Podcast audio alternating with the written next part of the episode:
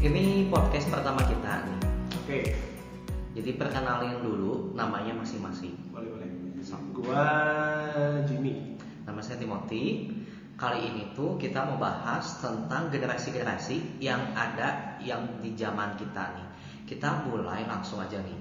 Dari generasi yang pertama nih, kita mau bahas dari yang baby boomersnya dulu. Baby boomers tuh kelahirannya tuh di tahunnya tuh antara 1946 sampai 1960. Jadi angkatan babe kita lah ya. Angkatan babe betul nih. Kalau menurut Ko Jimmy sendiri nih, baby boomers, generasi baby boomers tuh seperti apa sih kelihatannya tuh? Kalau kalau gua ngerasain eh, angkatan-angkatan babe eh, mama papa mama kita lah ya. Mereka tuh lebih ke mereka lebih apa ya namanya lebih care, lebih lebih nyari duit. Mereka lebih nyari kualitas hidup, eh, mikirin apa ya eh, gimana sih bikin keluarga mapan, bikin mereka pengen punya warisan yang bagus buat anak-anaknya, eh, kesehatan, hidup sehat gitu gitulah. Bener gak sih? Tapi kalau dari segi pola pikir setuju nggak kalau misalnya ada yang anggapan kalau orang yang lahir yang disebut di generasi baby boomers itu pola pikirnya tuh masih kolot. Setuju nggak sih kalau ada yang anggapan kayak gitu? Eh, setuju nggak setuju sih, cuman memang kelihatannya hampir bisa dibilang hampir hampir semua kali ya. Jarang banget yang eh, mereka tuh berpikir eh, modern lah ya kayak ya maksudnya sepikiran sama kita sama anaknya aja. ya. Hmm.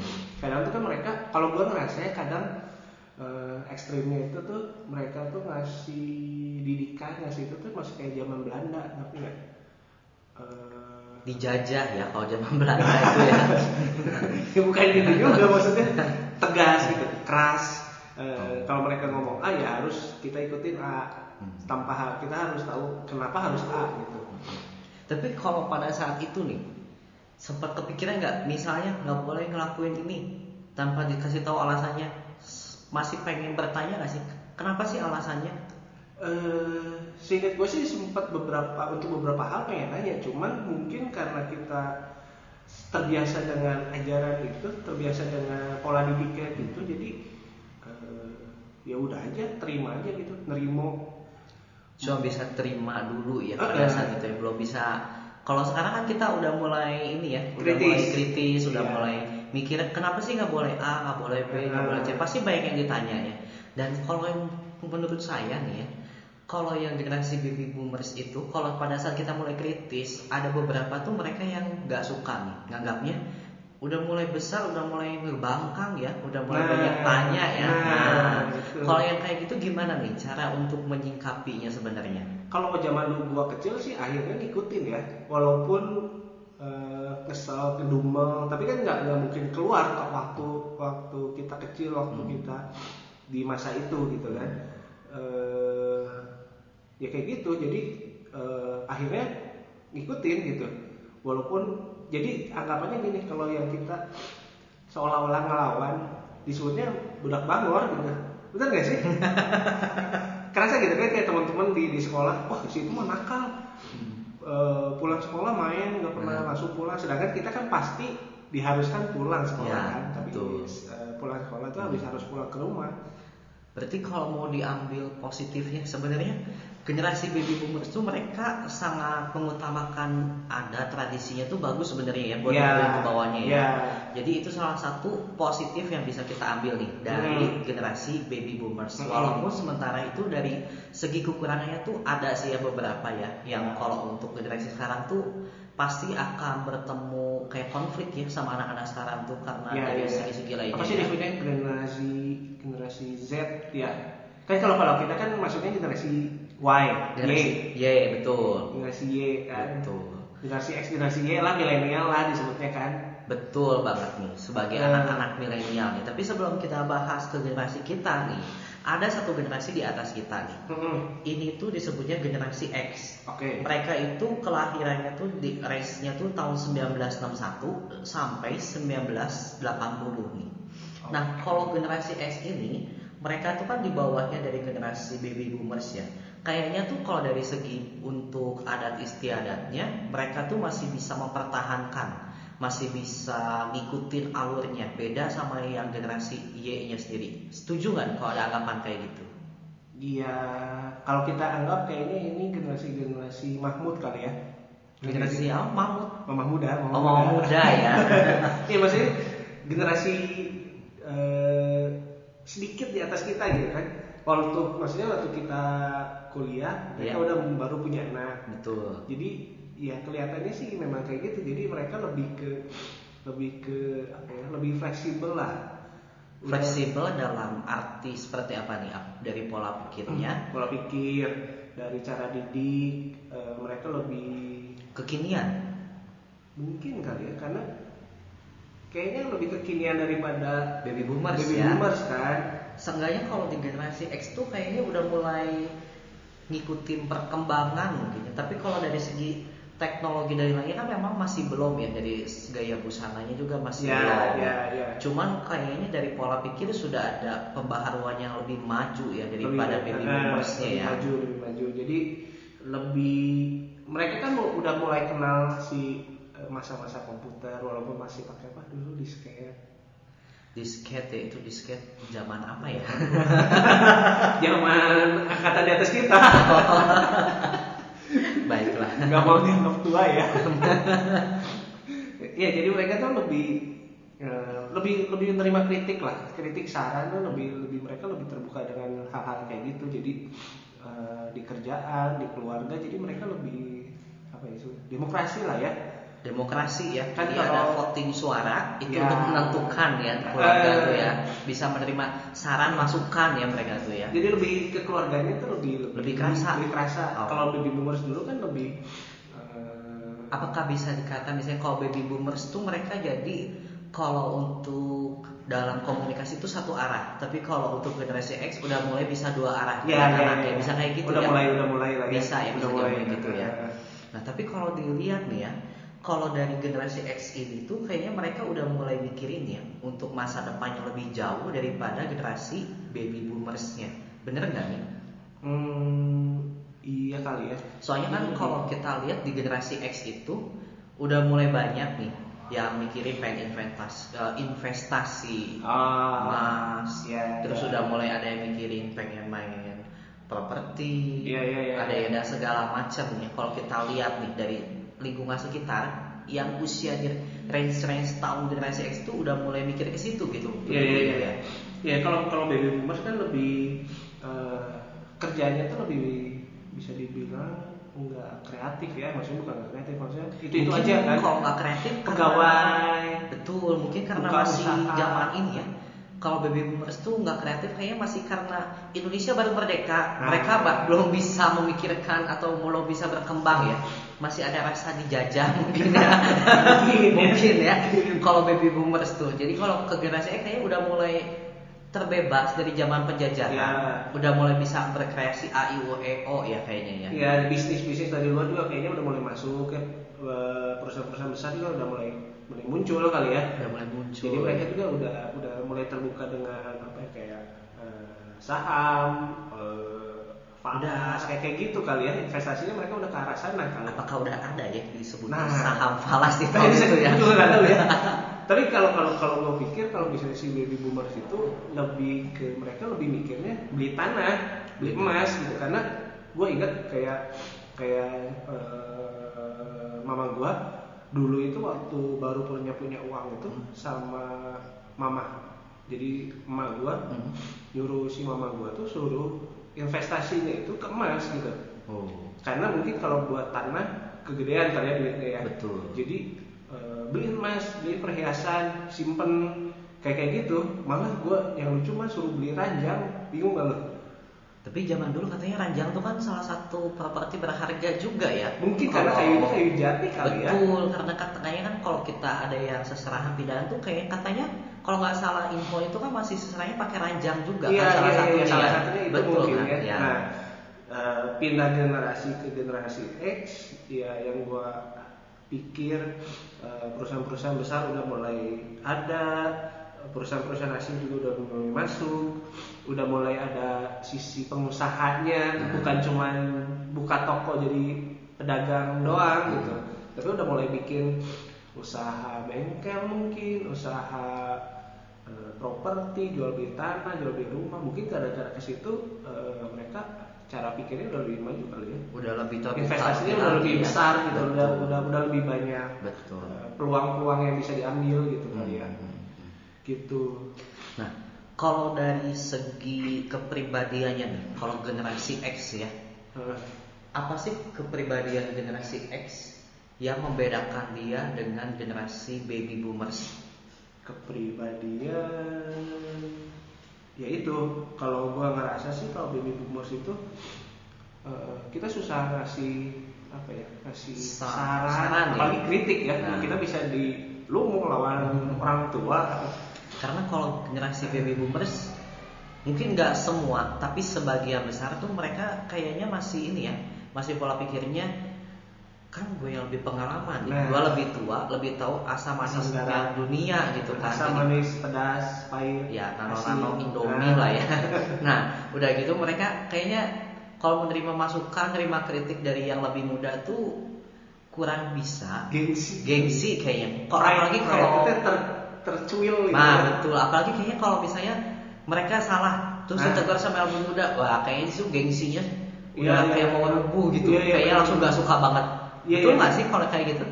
kayaknya keli ngelihat gue sih ngelihat kecenderungannya sadar tidak tidak sadar kayak gitu kali ya Kalau untuk generasi baby boomers, Iya, ya. tapi iya. memang nggak semua ya kayak gitu nggak ya. semua nggak semua memang Mungkin apakah karena disebut sebagai ada yang beberapa itu pola asuh mungkin ya dari zaman dulunya mungkin ya. Mungkin. Dari waktu dulu ya seperti apa waktu kecilnya dan bisa menerima perbedaan atau enggak. Mm-mm. Kalau generasi X itu kan mereka udah bisa toleransi ya, udah bisa menerima menerima saran dari generasi generasi Mm. berikutnya ya.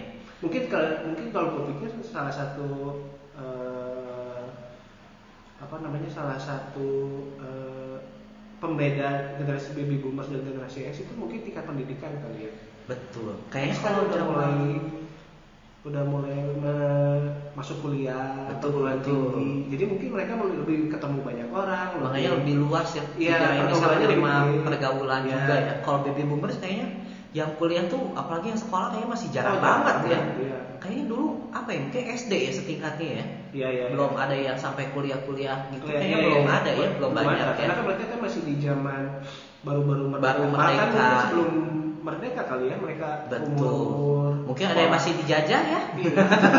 bisa. mungkin ya Nah mungkin salah satunya itu si generasi X ini tuh eh, bisa berpikir lebih terbuka, lebih ini tuh karena eh, mungkin tingkat pendidikannya lebih tinggi kali ya. Betul, Jadi mereka lebih mereka bisa lebih menerima ya sebenarnya. Mm. Tapi ada loh beberapa uh, sebagian besar tuh memang generasi X tuh udah bisa terima ya untuk beberapa misalnya kita ngasih masukan gitu. Tapi sebagiannya lagi tuh masih ada yang kayak baby boomersnya juga nih, yang misalnya mereka tuh masih nggak bisa terima uh, sarannya, nggak Ya. bisa terima kritik itu masih ada ya sebenarnya ya. ada, Jadi ada. kayak itu masih adat istiadat kuat di keluarganya mungkin ya turun Iya, iya, temurun iya. diturunin ke bawahnya kayak gitu jadi susah kayak buat berubahnya nih Iya. jadi mungkin keluarganya agak kurang bisa menerima perkembangan zaman saat ini ya kayaknya bisa ya bisa. Jadi masih ada sisa-sisa baby boomersnya di diri betul mereka. zaman zaman Belandanya itu masih ada kayaknya ya masih kuat masih mereka. kuat karena betul kan langsung terima eh, turun temurun didik langsung karena kan didik betul itu kan generasi masih yang dekat banget ya sama Ya. baby boomersnya ya jadi masih pasti netesnya tuh kental banget lah yang belum encer ya susu, Susu. kali. Nah, kita masuk nih. Nah, buat kita-kita nih, kita-kita itu kan masuknya di generasi Y ya, generasi milenial yang lahirnya itu tahun di 81 sampai 94. Generasi kita kan bisa disebut juga kata orang tuh generasi milenial ya, kayak Panji gitu ya, Panji manusia milenium ya. Nah, ini tuh di generasi milenial, kita kan udah mulai mengenal yang namanya gadget Eh, games-games ya. Mungkin Iya. kalau zamannya generasi X itu masih mainnya ya congklak ya, main petak Iya. umpet, mainnya gitu-gitu ya, Hmm. masih permainan tradisional. Kalau generasi Y kan kita udah mulai mulai main Tetris ya betul Tamagotchi ya. Nah. Nah, kalau saya Tamagotchi itu ngalamin kalau nggak salah tuh waktu saya SD nih. Kalau Koji ngalaminnya kapan nih kira-kira nih? sama lah pak kita anggap sama aja lah ya Oh, boleh, boleh, boleh, baik. kan eh, SD itu 6 tahun ya pak boleh, Pak. jadi masih SD Eh, itu tuh nggak naik berapa kali ya? berarti mungkin lebih ya lebih kayaknya, lebih dari itu kayaknya. Nah, kalau generasi kita kan udah bisa nih menerima kemajuan dan di situ Nah. tuh kayaknya elektronik tuh lagi mulai maju-majunya ya, lagi mulai Nah, ya. berkembangnya Ya, ya, teknologi-teknologi ya, ya. di zaman Ya. kita tuh ya. Jadi kitanya tuh yang mulai terbuka nih sama teknologi game-game. Terus dulu tuh kan kayak laptop, komputer aja tuh barang mewah ya. Kalau Betul. zaman-zaman generasi Y itu kan zaman kita awal-awal tuh ya, Heeh. yang punya laptop atau game-game Oh, itu. mewah tuh wah udah disebut Wah, kayaknya iya. itu orang kaya tuh. Nah, Nah, gitu iya. ya. Nah, yang bisa kita lihat nih kalau di generasi kita, di generasi milenial, menurut Ko Jimmy tuh kayak gimana sih pola pikirnya rata-rata ya tuh? kalau kalau angkatan ya angkatan milenial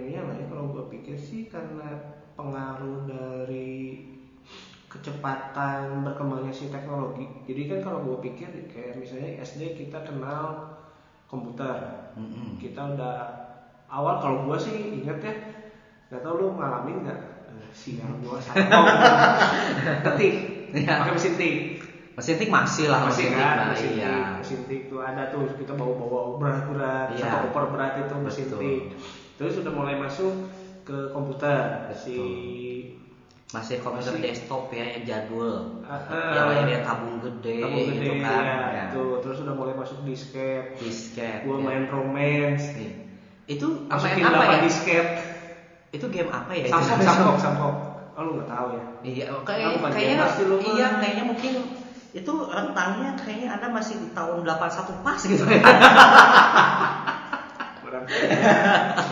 Kayaknya 81 pas sih ada ya kayak game-game itu. Tapi kalau di zaman saya 80 ke sana lagi kayaknya udah mulai main lewat apa gitu. lu main apa emang Kalau game-game emang saya nggak nggak nggak terlalu gamer sih. Hmm. kalau saya tuh mainnya udah mulai ya Tetris. Nah itu Tetris, Tamagotchi, Nintendo, Hmm. Sega, PlayStation pertama. Nah itu game-gamenya. Iya, iya, gitu. iya. Jadi kalau game-game itu agak asing gitu ya. iya, iya. Iya gitu. memang gua lebih melek teknologi duluan kan ya Oh iya kayaknya kayak begitu sih. bahasa enaknya itu kali ya Iya melek, melek teknologi Melek ya, teknologi melek dulu, teknologi iya, iya. betul. Jadi di usia generasi Y itu udah mulai melek teknologi. Iya, jadi ke pola pikirnya juga mereka lebih cepat, lebih gampang terima ide-ide baru kali ya. Karena kan eh, perkembangan teknologi, gue ngerasain dari mesin tik tiba-tiba eh, SMP udah masuk komputer, udah mulai masuk belajar bahasa pemrograman. SMA udah mulai banyak eh, konsol, game konsol yang mulai dari Nintendo masih kotak-kotak sampai ke terakhir PS2 eh, yang gambarnya udah kita udah wah gila keren banget ini udah tiga dimensi lah apalah Betul, udah bagus banget Udah ya. bagus Dari perkembangannya tuh udah jauh Eh, banget ya. SMA kita udah mulai kenal handphone yang mulai dari handphone pembunuh kucing Yang tebalnya kayak bakiak ya itu ya. Jadi Mafia- mafia tuh iya. Jadi dulu tuh handphone tuh kayak awal paling terkenal tuh Siemens. Siemens. Nah itu Siemens tuh sempat punya tuh yang segede bakia, yang Mm-mm. antenanya bisa ditarik Ah. panjang banget. Kalau sekarang kan katanya bisa dipakai buat ke gunung katanya. botol minum kalau Iya. Jadi masih bisa jadi tapi itu sinyalnya kuat loh. Iya, Sama iya. baterainya bagus daripada handphone-handphone yang sekarang tuh sinyalnya jelek ya. Betul. Nah, jadi selain itu nih, di generasi itu kita sebelum se- kayak yang tadi kita udah bilang, nih, udah mulai melek teknologi, melek namanya perkembangan zaman. Nih, Kita juga kayaknya untuk generasi itu kan kita udah mulai bisa lebih banyak lagi masukan, Iya. lebih banyak improve buat ke depannya seperti apa ya. Jadi mulai untuk memikirkan hal-hal yang lebih dan menciptakan suatu hal yang baru tuh kayaknya Iya, lebih iya, banyak di, generasi ya ya. Iya iya. Jadi udah mulai mikirin kerjaannya udah mulai semakin eh, banyak kali ya. Yang dulu kan eh, kalau kata kakek kita lah ya, kerjaan cuma apa sih? Pegawai negeri, Mm-mm. pegawai bank, Betul, jualan, betul. dagang. Terus udah mulai papa mama kita kerjaan udah dari buka hmm. Eh, ya udah mulai buka Udah mulai kecil-kecil ya kayak usaha, ya, kan. usaha-usaha kecil Eh, wira swasta wira itu kayaknya udah mulai banyak di generasi ya itu udah mulai Ya. jamur lah ya Nah, kalau generasi kita kan jauh lebih banyak lagi peluang-peluangnya kan. Udah mulai Betul. fotografi. fotografi udah Ah, mulai Ya si bidang seni itu tuh udah bisa jadi kerjaan. udah bisa menghasilkan ya Menghasilkan. kalau Musisi. dulu kan musisi seni itu kayak dipandang masih sebelah mata Sebelah ya iya. masih kayaknya ah itu kalau bisa sih nggak usah jadi kayak Ya, gitu ya lu jualan aja deh, betul gitu kan. terusin usaha lah ya usaha. atau misalnya udah pasti kalau orang tuh kerja kantoran yang disebut image kantoran tuh pasti harus di bank kalau Ya. dulu kan kalau sekarang kan udah beda ya nggak kayak gitu udah udah bergeser nih zaman zamannya ya nah ada lagi nih angkatan di bawah kita itu tuh Nah, itu. generasi Z Ya. yang lahir di tahun 95 sampai 2010 Berarti ini tuh anak-anaknya generasi X dan generasi Y ya. betul Ya. betul betul jadi itu anak-anak dari generasi X dan Y yang lahir di tahun 95 sampai 2010 Nah, nah tapi bedanya apa lagi? bedanya kalau di tahun generasi eh, yang Z ini yang mereka lahir kalau kita kan baru banget melek teknologinya Ya. kalau di generasi Z mereka tuh kayaknya udah lebih lagi meleknya Ya. Nah, karena mereka dari kecil itu udah mulai dari TK tuh udah mulai yang teknologi banget ya. Kayaknya permainan-permainan tradisional tuh mereka udah nggak main ya. Betul. Kalau kita kan masih ngalamin ya kayak Iya. petak umpet ya Iya. gitu-gitu kita masih main. Tapi kalau di generasi Z kayaknya udah mau enggak ya. Udah, udah jarang banget kali. Udah ya. jarang. Kayaknya mereka lebih ke konsol game PS Ya. ya. Nah itu PS terus ya, mobile. mobile. Nah itu itu kayaknya udah mulai di generasi Z itu. Terus dari medsosnya juga udah mulai berkembang nih di generasi Hmm. Z daripada waktu di zaman generasi Y ya. Iya. Kalau di generasi Y kan saya ingat nih medsos pertama yang saya mainin dulu paling apa ya? F- eh, Friendster. Friendster. Nah, Friendster dari Friendster baru ke Facebook, udah gitu Twitter. Sebelum udah Twitter dulu ada yang Gmail. Yang Gmailnya G plus tuh G plus. Nah itu kan udah nggak ada tapi ya cuma sebentar Ah. banget. Twitter juga kan dulu waktu awal-awal nggak ada peminatnya, ya, masih lebih suka Facebook dulu kan. Ya, Kalau- karena kalau kalau gue sih mikir tweet, kalau gue karena Twitter itu kan lebih ke bahasa. Betul, jadi, Jadi, kurang bisa orang-orang pintar sebenarnya. aja gitu. Iya, ya kayak mereka cuma bisa ngetik di batas gitu, misalnya Iya. 100 kata udah aja, nggak bisa meng, apa ya, jadi nggak bisa ngomong banyak-banyak kalau dulu Hmm. kan. Terus belum ada dulu tuh hashtag-hashtag tuh masih belum terkenal kayak sekarang, belum ada gitu. Nah itu kan baru berkembangnya di generasi Z ya, si Twitternya terus udah Iya. mulai ada hashtag-hashtag penggunanya juga mulai banyak nih. Nah, di media sosial di generasi Z itu kan lebih banyak dipakai daripada di zaman generasi Y ya. Karena di generasi Z tuh medsos udah mulai bawa pengaruhnya besar banget Mm-mm. Tapi kalau dari segi budaya, dari segi adat istiadat, pola pikir, menurut Ko Jim itu mereka apakah mulai ada penurunan atau sebenarnya masih konsisten nih adat istiadat budaya pola pikir yang diturunin dari zaman baby boomersnya itu masih ada nggak? Eh, tergantung keluarga kali ya. Kalau misalnya kalau gue pikir kalau misalnya memang keluarga eh, keluarganya masih cukup kuat pegang tradisi, masih cukup keras lah dibilangnya, eh, si anak-anak ini masih tahu tahu sopan santun, terlalu terlalu lebay kali ya sopan santun. Hmm. Maksudnya mereka untuk si eh, cara pikir, cara itunya tuh masih mirip sama papa mamanya Hmm. untuk sebagian tapi untuk sebagian keluarga yang memang mungkin eh, papa mamanya kerja eh, anaknya udah mulai dititipin ke eh, Ke satu saudara ya. saudara ke Ke tetangga mungkin? babysitter gitu kan ya. Eh, nah itu udah mulai agak luntur kalau kata gua ya Hmm. jadi anak-anak sekarang tuh udah udah ada udah ada kayak terbagi dua si si generasi Z ini itu Hmm. jadi ada anak-anak yang masih tahu eh, gimana caranya dia handle eh gimana caranya dia bersopan santun budaya dalam timur bersosialisasi gitu dalam Iya. masyarakat ya. terutama dengan orang yang lebih tua dari mereka dan ada beberapa orang yang udah mulai dia tahu tapi nggak ngelakuin gitu karena Hmm. tidak dibiasakan di rumahnya Oh, karena itu ya itu ya dari adat-adat yang ada di rumah kan beda-beda Ya, ya, dia- ya. yang diajarinya ya. Jadi- Kalau misalnya dia di rumahnya tuh kan misalnya ya orang tuanya blasteran ya, blasteran antara Indonesia sama luar. Mm-mm. Biasanya kan adatnya juga beda ya yang Beda. dituruninnya. Nah kalau misalnya yang masih orang tuanya asli lahir besar tumbuh di Indonesia, pasti adatnya tuh harusnya biasanya masih lebih bagus ya. Tapi sayang nih kalau yang saya lihat Eh, gimana? ada beberapa keluarga yang memang orang tuanya tuh tumbuh besar di Indonesia, lahir di Indonesia, namun mengaplikasikannya tuh dengan budaya modern yang ada di luar. Nah, otomatis kan ya sebenarnya ada bagusnya, tapi bertentangan juga ya sama adat-adat yang ada di kita nih di Indonesia. Yang timur ya, kita Betul, bilang. ketimuran nih. Ya. Kalau mereka kan sebenarnya sebenarnya ada dari luar yang positifnya dibawanya bagus, tapi kayaknya kalau untuk diaplikasikan sampai 100% kayaknya masih kurang bisa ya.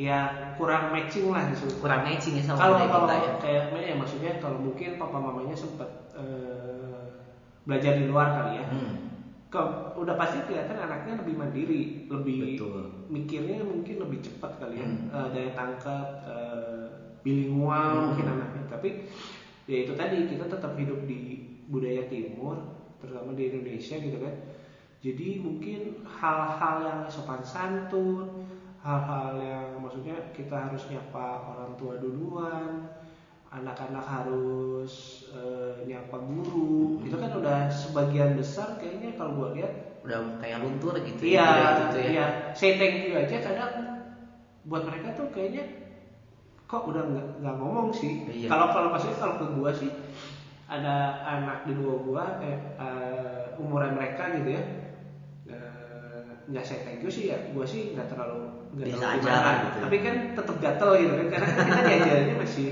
kalau orang lain ngebantuin Wah. apa sekecil apa pun ngambilin minum ngambilin pensil jatuh Iya. duluan kita saya thank you gitu kan Betul. tapi kan buat mereka itu tuh eh, kayaknya udah mulai luntur gitu Udah mulai hilang ya adat-adat yang Ah. bagus dipertahankan harusnya iya itu iya ya. iya ada dari ketimuran ini udah udah mulai Nggak ada lah bisa dibilang ya. eh, padahal kan itu sesuatu yang harusnya kalau kata gue sih cukup berguna ya maksudnya sampai ke kerjaan pun sampai ke nantinya kalau mereka Hmm. kan sebagian juga mereka udah mulai masuk eh, Dunia kerja betul. dan bos-bos mereka kan angkatan-angkatan eh, di atas mereka kan Betul. dan angkatan-angkatan yang masih eh, nilai ketimurannya budaya tata tata krama sopan santunnya masih cukup kuat gitu Iya, kan. masih dan mereka ya. Ah. Hmm.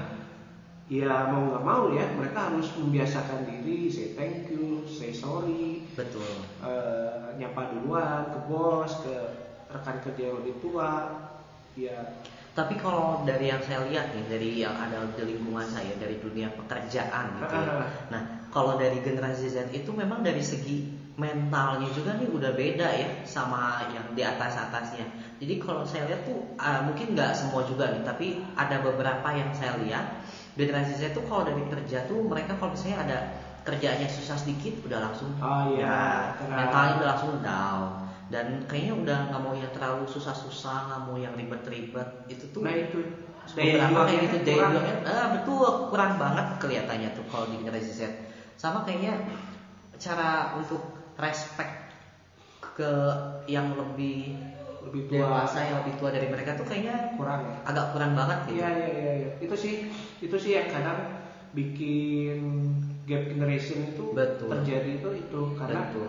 apalagi eh, kalau generasi Z ini generasi Z ya benar kan? Z ya Generasi Z ini ketemu sama baby boomers itu eh, Wah, wah, kayaknya kalau banget. boomersnya yang masih kentalnya banget Oh, iya, bisa ngikutin bisa. wah udah nggak cocok ya cocok, mereka bisa marah padahal kan simple gitu betul karena mereka si anak-anak ini kan tidak terbiasa mungkin Betul. memang di keluarga intinya dia memang kayak gitu juga ya tidak Iya. tidak dibiasakan yang kayak gitu yang cuma eh, mengucapkan misalnya terima kasih aja itu kayaknya udah jarang banget jarang, kayaknya ya iya. Nah sementara kalau baby boomers itu kan Wah, ya harus, masih kan. harus totok kromo tuh yang masih dijaga Iya. banget nah itu kan kayaknya udah mulai bertentangannya jauh Nah, banget situ. ya itu pun eh, itu cuma hal si eh, si thank you betul eh, nyapa duluan kan sih hal-hal yang sehari-hari simpel iya belum lagi kalau sampai ke pola pikir cara kerja etos Hmm. kerja Hmm. itu kan udah sangat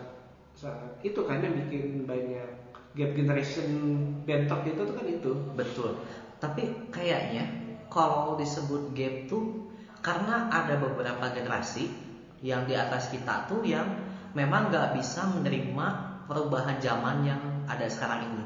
Ya. Mereka tuh nggak bisa menerima dengan alasan nggak cocok diterapkan.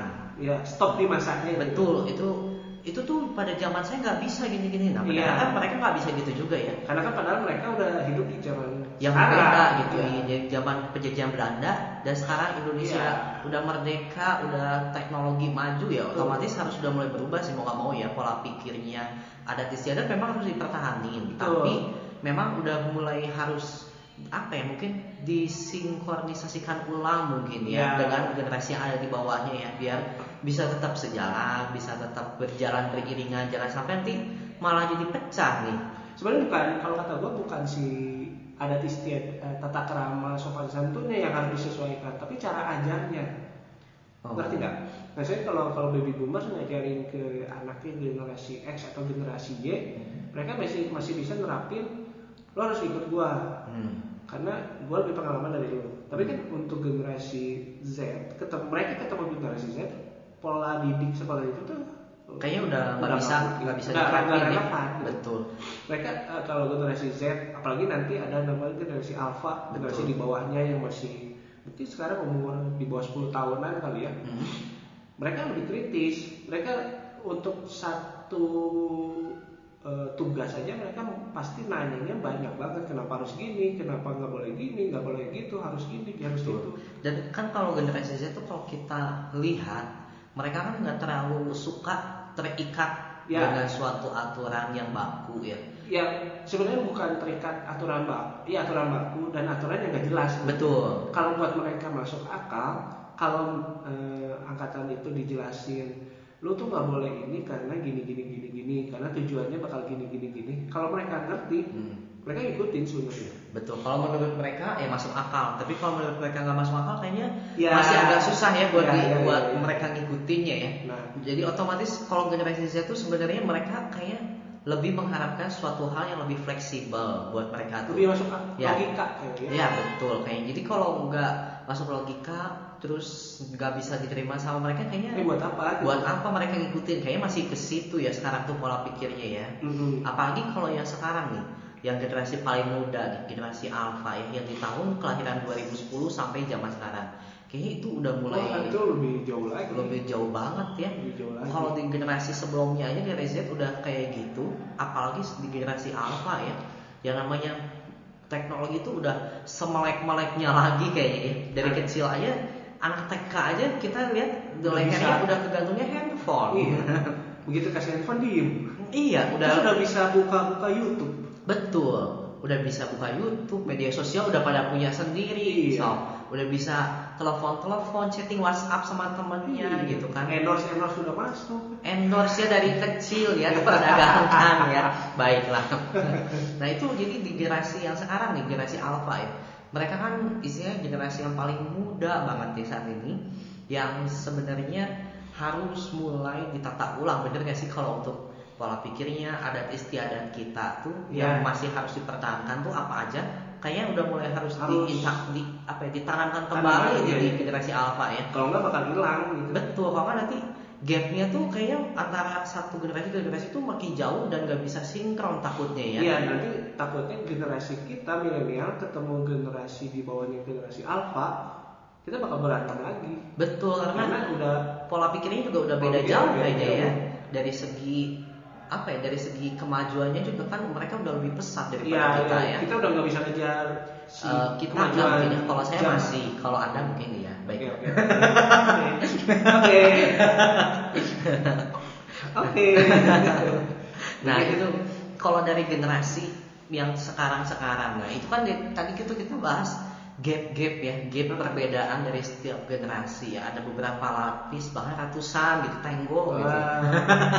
Oh nggak boleh sebut iklan, sensor sensor ya. nah itu kan perbedaan dari setiap generasinya gap-gapnya nih. Tapi kalau kita pengen lihat nih, dari setiap generasi juga kan pasti ada segi positifnya. Apa sih yang Iya. bisa kita lihat? Kalau dari baby boomers tadi kan kita bahas ya, mereka tuh dari positifnya ya udah pasti ya dari adat istiadatnya Ya. itu yang bagus banget ya yang mereka bisa Nilai hidupnya utara- lebih- nilai hidupnya lebih tinggi kayaknya soalnya mereka punya nilai juangnya tuh lebih Iya, iya, lagi iya, ya betul, betul. apalagi bekas dijajah penja- dijajah Iya. penjajah gitu kan ya mereka akhirnya kayak punya nilai Nilai juang juangnya tinggi. nilai ingin rasa Hatam 45 kali ya. betul udah hatam ya nah itu kayak pengen ini ya lebih Iya. ingin hidup yang lebih gimana ya lebih lebih lebih juang lebih wah itu Proses kali ya, prosesnya karena udah digodoknya abis-abisan mungkin ya jadi lebih bagus ya Iya, iya. nah di generasi X itu kita masih bisa lihat juga sebenarnya ya daya juangnya nilai positif itu terus adat istiadatnya itu masih bagus ya Iya. dibanding kayaknya udah ke generasi-generasi ke bawah udah mulai luntur nih ya. Terus kalau di generasi Y, di generasi Y kita adat istiadat masih ya. Masih. Kok keras banget masih? itu masih ya adat istiadat masih, Masih. masih ada lah ya. Iya, masih. Walaupun kayaknya udah mulai sama sih, udah mulai agak luntur ya. Eh, kalau gua ngerasa sih karena kita juga udah mulai berpikir kritis ya. Betul. Jadi kayak eh, Udah mulai kita juga kan karena disebut udah mulai melek teknologi, udah Ya, bisa udah kita udah bisa- tahu gitu mana yang bagus, mana, yang enggak, mana yang masuk akal, mana yang enggak gitu ya. Jangan berdiri di depan pintu eh, pas maghrib. Mm-mm. Itu kan kenapa? Alasannya kenapa kan? Mungkin masuk angin. benar sih, ya itu sih Iya, alasan itu. satu masuk angin. Sama Tapi kan orang alasan- kalau mau keluar masuk kan keganggu, ya kehalang. Apalagi kalau badannya gede. Nah, itu. nah itu. itu. Makanya kecil badan. Oh, untung sih badan saya kecil. ya maksudnya kayak kayak gitu kan kita udah mulai mulai kita aja udah mulai mikir kan. Iya, Tapi betul. karena ada sisa-sisa pola asuh yang Sebenarnya sebelumnya, generasi kita sama atasnya masih rada dekat ya. Dekat. Jadi kita masih, terima masih bisa sebenarnya. terima, terus Tapi masih agak diterapin gitu. Betul. Oke, ke sini soalnya kita udah mulai mikir kayaknya nggak penting gitu. Ah, iya, iya, iya. Kayak apa? Gigi lepas harus disimpan di gigi atas harus disimpan di bawah apa sih? Gigi bawah harus dilempar ke atas itu. Ya, kan itu kayaknya kayak udah masuk akal. gitu lah ya itu kan sebenarnya. udah, buat kita ah udahlah. Betul, udah mulai kayaknya nggak masuk akal Nggak masuk buat apa akal, sih gitu-gitu ya, ya. iya, iya. Nah, terus apalagi ke generasi Z nih, kayaknya ada istiadat udah mulai makin Iya, hal-hal itu udah udah gak akan masuk ke mereka. udah kayaknya dianggap itu kayak zaman-zaman cerita Ah, Malikunda mungkin iya. katanya gitu ya. Udah wah udah jadul itu. iya kayaknya apa pun kayak misalnya terjadinya sebuah gunung tangkuban perahu itu kayak udah masuk Udah nggak peduli udah nggak peduli gitu. gitu ya apalagi generasi alpha gitu ya. Iya. ya gitu gitu kayaknya udah nggak udah nggak peduli kayaknya mereka lebih peduli kalau terciptanya suatu teknologi mereka kayaknya lebih Ya. menarik hal-hal kayak gitu ya terus kalau buat adat istiadat ke generasi alpha juga ya udah makin Udah mulai samar-samar ya sayang sebenarnya kalau adat istiadat kita hilang gitu aja Nah intinya berarti gimana? Berarti kan di angkatan kita nih kan. Betul. Angkatan, angkatan kita memang harus di tengah-tengah banget nih kita tuh soalnya Iya, harus bisa lebih nanemin hal-hal eh, apalagi ada istiadat tata kerama Betul. eh, sopan santun yang yang memang buat kita penting. Mm-mm. Nah itu tuh harus tanam nanam di udah mulai harus diinfokan ke generasi bawah kita harus vokal Seperti kita apa, itu harus vokal walaupun betul. dengan cara eh, bukan dengan cara yang pernah kita rasain terima dulu waktu dulu tapi kita harus perbaiki dengan cara kita yang sekarang ya Iya. bagaimana cara kita bisa nurunin supaya mereka tuh bisa terima Terima, ya, dengan Dan- logika. betul dengan logika dan kita juga kan nggak mungkin menurunkan hal-hal yang di luar logika gitu. Betul. kecuali yang mungkin atas Monica ya cinta itu di luar logika ya kelihatan tuh ya pasti ada juga mengalami atas Monica Iya. betul nah itu ya itu yang bisa kita lihat ya dari segi positif di adat istiadat ya Terus kalau perbedaan yang paling kentara, kalau saya lihat tuh ya dari generasi ke generasi, kok anak sekarang tuh tinggi, bongsor, itu tuh Nah. kayak kayak apa ya? Kayak tiang listrik gitu ya. SD SD aja udah tingginya tuh kalau zaman saya tinggi segitu tuh kayaknya udah SMP SMA gitu. Kalau sekarang SD tuh udah bongsor Nah, gitu. ya. Ukuran kenapa kaki sih? aja udah kayaknya 40, 41 gitu ya. Udah luar biasa. kenapa? Kayaknya dari asupan ya, betul ya. Oke. Dari Asupan asupan asupan. Soalnya kalau zaman dulu dulu kalau zaman kalau saya ya dulu tuh masih ya makanya kalau kecil kan biar sehat harus minumnya jamu bukan susu loh. Itu jamu. Kalau dulu nongkrongnya di warung jamu. Betul. Kalau sekarang karena kan ini udah Warung susu ya? warung susu gitu. Bisa jadi, masuk bisa akal. jadi. Soalnya kalau dulu itu kan kalau misalnya anak susah makan kasihnya jamu, Jamu, iya, betul anak kata ini suaranya berubah kasih jamu. Ya, iya, iya. Iya, sakit kasih jamu. jamu. Semua serba jamu ya. Akhirnya generasi jamu ya. Otomatis kalau jamu kan sehat. Sehat, Ya, iya. jadi lebar. gede-gede ya. Betul, gede ke Melebar. atas tapi melebar gitu. Iya. Kalau anak sekarang kan susu keju ya, Iya, iya. otomatis Jadi tinggi ke tinggi. atas gitu. Kayaknya mungkin gitu ya. Kalau yang paling ya, mencolok ya. Betul, soalnya Teori baru ini. kita lebih baru. Kalau sekarang kan ada ya banyak banget kayak misalnya pojokan-pojokan yang menyediakan minuman kayak isinya cuma roti bakar sama susu. Iya. Kalau zaman kita nggak ada ada. roti bakar sama susu, adanya apa? Paling teh, Kopi. kopi. Itu aja kayaknya masih nggak begitu banyak. Kalau Iya, sekarang kan iya, iya. pojokan-pojokan kopi itu udah banyak Kayak banget. warung kopi, Betul. warung Nah, susu yang murah kan. Kalau kopi kan mungkin masih buat anak-anak SMP, SMA kan masih lumayan mahal kali ya. Kalau susu kan dengan 6000 aja bisa dapat sekelas. Itu susu instan lah ya. Susu Lembang, Pak. Oh susu Lembang Susu ya, Lembang. baik baik baik. Iya, iya, Itu iya. cuma ribu ya. Iya, Baik. 6.000. Kayaknya itu kayak kalau ke Lembang pun kita kayaknya biasa nukerin tiket aja udah dapat ya sekarang ya. Gak mungkin kan nukerin tiket dapat hadiahnya apa? Jamu segelas Iya, udah enggak udah- udah, udah- enggak ya. Kayaknya kalau kita kunjungan ke tempat wisata dapatnya jamu. Iya, iya, iya. Kayaknya agak-agak lucu. Bisa tuh kayaknya bisa diterapin ya. Kita kan komputer. nggak apa-apa kan biar sehat Iya, iya. ya siapa tahu gitu kan ini suatu ide masukan yang buat tempat wisata di Bandung ya. Siapa tahu Iya. yang buat penukaran tiket jangan susu tapi jamu gitu. Benar-benar. bisa milih mau misalnya jamunya apa? Beras kencur gitu. Pilihan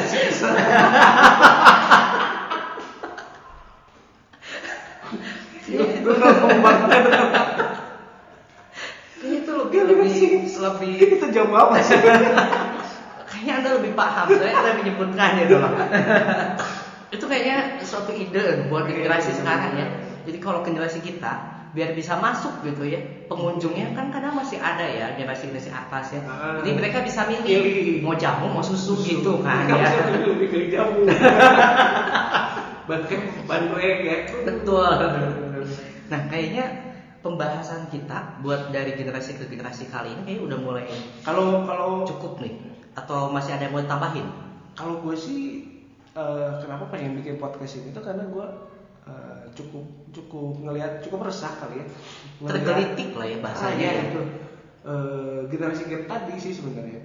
Eh, makanya kita bahas kan generasi akbu, eh, baby boomer seperti apa, X, Y, Z sampai ke apa terus seperti apa, ya. Kalau gue sih lebih lebih kenapa pengen bikin podcast itu karena itu Eh, karena kita ngelihat banyak banget gap generation entah di keluarga, entah di perusahaan eh, mereka ya kesulitan. di lingkungan kita aja Iya, ya mereka kesulitan untuk menghandle generasi Z ini karena kan sebenarnya jangan nggak bisa disebut generasi Z juga sih ya tapi ya Mulai dari milenial kali ya. Betul, jadi mulai dari milenial ke bawah kayaknya udah mulai kerasa tuh gap gapnya Iya, udah mulai gitu. kerasa karena eh, generasi-generasi ini kan udah mulai sangat berpikiran kritis. Betul. Mereka dapat in- dapat informasi cepat dan dari mana Betul. aja gitu. sementara kan. kalau generasi atas kan begitu ada yang kritisnya dari bawah kadang masih ada yang suka susah buat nerima ya Iya, iya, iya. Gitu. Mereka langsung bikin benteng gitu kan. Nah, hal-hal itu tuh yang bikin eh, sebenarnya podcast ini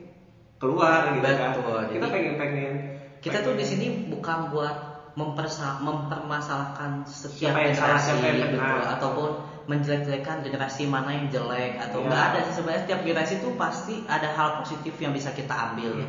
Cuman di sini itu kita pengen bahas karena Pengen kita jadi jembatan ya? Betul, kita ingin menjembatani Mulia gitu banget ya. itu. Uh, mulia ya jembatan apa itu? nah, dari jembatan kita tuh pengen istilahnya apa ya? Sharing lah ya, Sharing, memberikan informasi apa sih perbedaan di setiap generasi. Supaya kita tuh bisa saling bisa tetap jalan beriringan lah ya. Jangan Ya. sampai ada gap yang terlalu jauh. Terus gimana caranya? Biar generasi tiap ke generasi itu sama yang namanya adat istiadat juga bisa tetap Mm. dipertahanin ya. Jangan sampai nanti malah makin luntur makin hilang. Kalau lu, eh, sorry potong, kalau kan kalau lu kan kerjaannya memang kantoran kantoran lah ya, betul. kantoran lah ya. Kalau gua kan lebih ke freelancer. betul Nah, lu di kantor rasanya seperti apa sih? Kan udah mulai banyak nih, mungkin 2-3 tahun terakhir ini generasi-generasi Z ini kan udah mulai masuk betul betul uh, dunia kantor kan? Nah, seperti yang saya bilang tadi sih kalau di dunia perkantoran yang saya lihat yang buat generasi-generasi yang sekarang itu kan eh ya itu jadi mereka tuh kayak mentalnya cepet down banget. Eh. Jadi begitu ada suatu hal yang susah, yang sulit, kayaknya mereka udah nggak mau maju. Jadi ngomong ah di sini bukan passion gua. Betul, betul ya, betul, kan? betul, betul. Iya. Nah, tapi ada suatu hal yang menggelitik nih. Oke. Jadi eh, ada orang yang berkata gini, kalau dia, eh, dia tuh kayak generasinya tuh masuknya ke generasi X kayaknya. ya. Oke. Nah mereka tuh ngomongnya gini, kerja tuh harus sesuai passion. Ya, Nah setuju. tapi kalau sebenarnya gak setiap orang kan bisa plak kayak gitu ya, bisa seberuntung itu gitu, Iya. bisa kerja sesuai dengan passionnya. Mau. Kalau zaman sekarang kita kerja bukan sesuai passion karena kita butuh, Iya. gitu kan? Curhat ya? Betul. karena kan beda tipis ya passion Iya, iya. sama butuh Iya, tuh iya. ya. Nah itu jadi kayaknya kalau kerja sesuai passion di dunia kantor diterapkan terus buat ke generasi paling bawah kayaknya udah makin susah ya. Ya, Gitu. karena mereka kalau kalau gua lihat sih mereka eh, udah kalau gua lihat ya beberapa dari mereka udah cita-citanya apa sih youtuber lah, Betul, betul, betul. entrepreneur. Betul. Dan Tapi kan banyak kan kerjaan-kerjaan yang baru yang bermunculan ya saat ini tuh ya. Nah itu nanti kita bahas Betul, lagi ya betul, kalau betul. itu. Nah kalau gue pikir sih, eh gue sih setuju sesuatu yang kita kerjain sama passion itu hasilnya bakal lebih baik. Betul. Di luar, lu kalau bisa kerja, dapat duit, eh, dapat rumah, dapat segala sesuatu dari passion itu nilai tambah. Betul. Dan ada rasa suatu kepuasan gitu. Ya, itu nilai tambah lah. Betul, betul. Tapi kalau kalau kalau gua karena gua freelance juga, jadi kalau gua sih memang kerja dengan passion itu eh, memang lebih lebih nyaman karena Hmm. karena kalau kalau nemu satu tembok, nemu keterbatasan, kesulitan, Bisa ya gua cari lebih yang lain. bukan, gua lebih survive gitu, lebih lebih Oh. berjuang karena gua tahu passion gua di sini gitu gue tahu. Jadi gue bakal cari cara gimana buat ngelampauin si masalah ini gitu. Hmm. kalau makanya gue setuju sama Hmm. yang tadi eh, di kantor lu yang ngomong lu kerja harus sesuai passion. Betul, betul. karena kalau nggak ada nggak sesuai passion ya mungkin terjadi eh, begitu ketemu satu masalah ya gue stresnya lebih tinggi Betul, tingkat stresnya lebih tinggi. Betul karena dia pikirnya passionnya nggak di sini.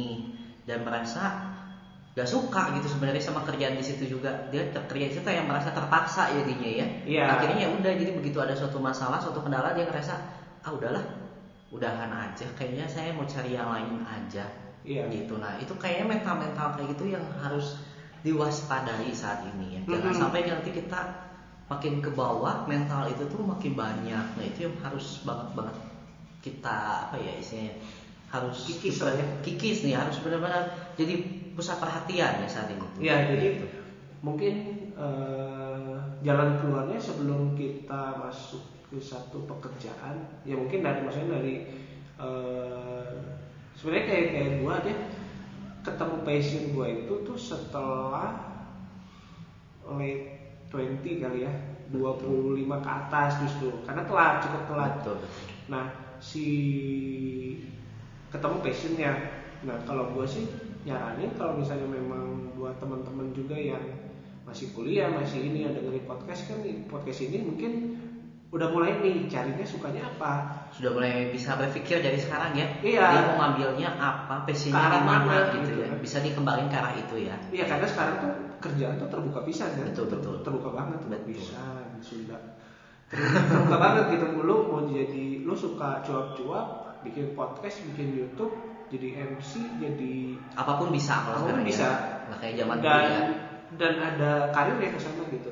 betul Kalau lu suka seni, ada karir ya gitu. betul Ya, jadi ya tentuin lu lu harus sudah mulai cari cari si Passionnya passion tuh ada lu di mana apa, ya? lu sukanya apa, hobi lu sebenarnya hobi lu apa gitu. betul Ya kayak sekarang ya main game aja bisa tuh. bisa menghasilkan ya Bisa tapi menghasilkan. nah itu itu nanti kayaknya kita bahas di yang berikutnya nih Ya kita bahas berikutnya ya. bahas-bahas itu ya kayaknya kalau buat sampai saat ini kayaknya kita cukup dulu nih segini buat Oke. podcast kita ya buat bahas generasi ke generasi bagusnya tuh seperti Hmm. apa plusnya seperti apa nah sekali lagi kita ingetin podcast yang kita buat ini ini cuma berdasarkan sharing yang kita tahu dari Ya. pengalaman kita Pengalaman. terhadap apa yang ada di sekitar kita juga ya. Sama ada beberapa mungkin info-info tambahan, masukan-masukan dari luar juga ya. Mm-mm. Nah, tujuan kita bikin podcast ini biar untuk gap-gap generasi itu udah mulai Saling kenal ya. saling kenal lah ya, jangan sampai gap-gap terus ya kalau nanti Aduh, kapan iya. nih bisa jalan seiringannya Nah, lagi.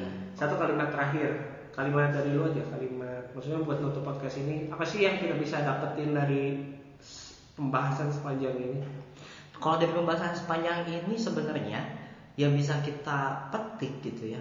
Setiap generasi itu pasti ada suatu hal positif yang bisa kita ambil. Hmm, Jangan menganggap generasi yang di bawah kita tuh nggak tahu apa-apa. ya, Jadi setiap ada apa pun kita harus bisa melihat dari dua sisi. oke. Ya, karena hidup itu kan kayak ibarat koin ya. Mm-mm. Kalau kita memang betul, jadi kalau kita lihat dari arah satu itu memang benar. Dari arah yang lain juga benar gitu. Karena kan kita harus bisa lihat dari arah dua sisi. Nah, begitupun di tiap generasi ini gitu. Jadi kita harus bisa lihat kalau dari generasi atas melihat hal suatu hal itu seperti apa. Iya. Dan generasi dari bawahnya pun melihatnya sesuatu apa gitu. Jadi jangan sampai mikirin merasa saling benar aja. Ya, setuju, gitu. setuju, setuju. Kalau dari gue sih lebih, kalau gue sih lebih mikirnya gini sih. eh, kalau gue coba men- menempatkan eh, untuk generasi yang lebih senior lah ya. Kalau gue sih lebih mikirnya gini, eh, ngelihat berbagai macam eh, gap generation itu berbagai macam masalah, mulai dari beda pendapat, beda cara pandang, beda cara Berpikir. ngambil tindak, tindakan, ngambil respon. Kalau gue sih mikir gini, eh, kenapa nggak kita coba sesuatu yang dengan hati terbuka aja gitu? Hati terbuka. Iya maksudnya gini, eh, mereka pengen jadi YouTube, youtuber. Ya kenapa enggak? Kenapa enggak? Maksudnya kita dukung aja gitu. Maksudnya kita masih bisa ngarahin. Jadi kalau gua ngelihat eh, generasi-generasi di bawah itu tuh, kalau mereka pengen punya passion, ya mereka sebut passion lah ya. Kita ngelihat itu sesuatu yang mungkin sangat baru dan kita takut untuk mereka masuk ke eh, pekerjaan atau dunia itu. Hmm. Eh, tapi toh kita masih bisa eh, ngawasin, masih bisa eh, apa ya, mengarahkan dengan cara kita ngedukung. Eh, ngedukungnya tetap jadi temannya mereka gitu, tetap jadi sahabatnya mereka, bukan cuma bisa saling tukar pendapat juga Nah, ya iya. Justru kalau kita gap, mereka jalan sendiri, nah itu yang Nah, bahaya iya, ya. iya, iya. Itu malah kita nggak tahu mereka bergaul dengan siapa, Betul, apa eh, yang apa yang mereka, mereka kerjain. eh, Tapi terus kalau apa yang mereka pengen juga jadi kita nggak tahu ya. Iya iya. Gitu. Tapi kalau mereka bisa eh, intinya gini, kalau generasi itu bisa cerita sama kita, curhat sama kita, eh, nah itu udah sangat positif banget.